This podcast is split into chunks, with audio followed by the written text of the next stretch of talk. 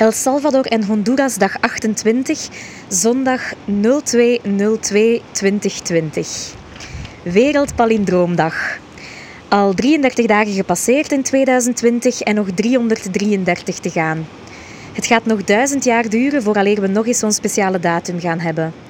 En ik hoop dat het ook nog lang zal duren vooraleer ik nog eens zo'n dag ga hebben als vandaag. Ik zou een 16 uur durende shuttle nemen van Antigua naar Leon. En mijn dagboek zou dus vermoedelijk niet veel kunnen zeggen buiten. Ik heb wat series gekeken vandaag, dag. Maar rond 7 uur was er toch een andere wending. We waren een kilometer verwijderd van de grens tussen El Salvador en Honduras als onze bus stilviel.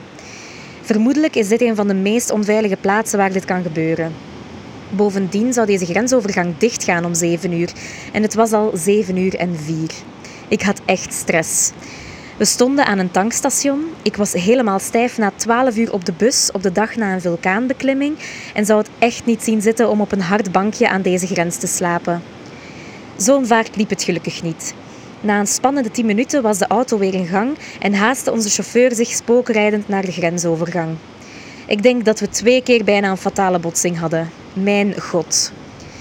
Aan de grens heeft hij denk ik een grenswachter omgekocht. Bon, goed voor ons, we mochten de grens over.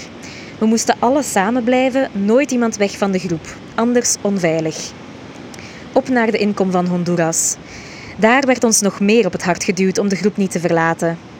Het was alsof we een kudde antilopen in de savanne waren en dat een dier dat, die afgezonderd was van de kudde een vogel voor de kat was.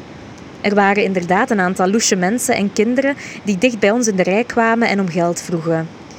Met een kudde van vijf meisjes zijn we ook een klein winkeltje binnengestapt om naar het toilet te gaan.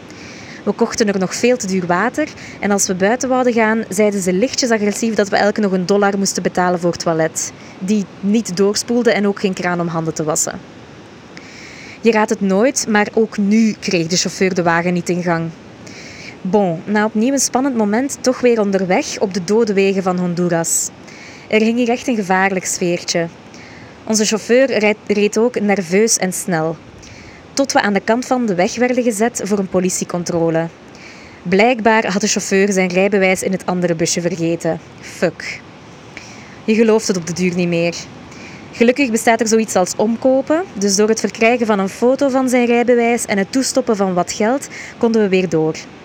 Tot er vijf minuten later opnieuw een politiecontrole was. Opnieuw hetzelfde liedje.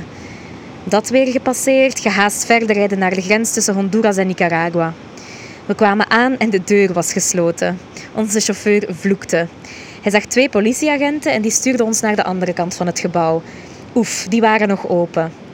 De grenswachter zei dat ik een mooie naam had en wuifde nog eens naar mij als we vertrokken. Iedereen moest lachen.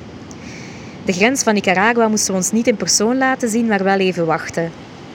Uiteindelijk ben ik om twee uur aangekomen in mijn hostel, compleet uitgeteld. Getuige van verschillende keren omkoping. The way it goes.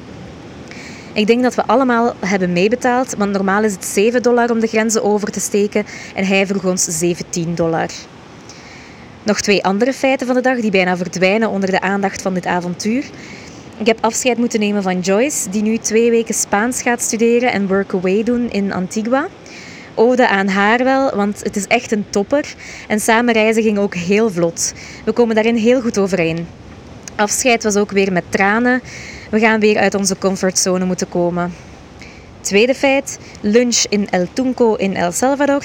Ik ben blij dat ik dit chill stadje toch even heb kunnen zien en de, het signature dish heb kunnen eten, pupusas.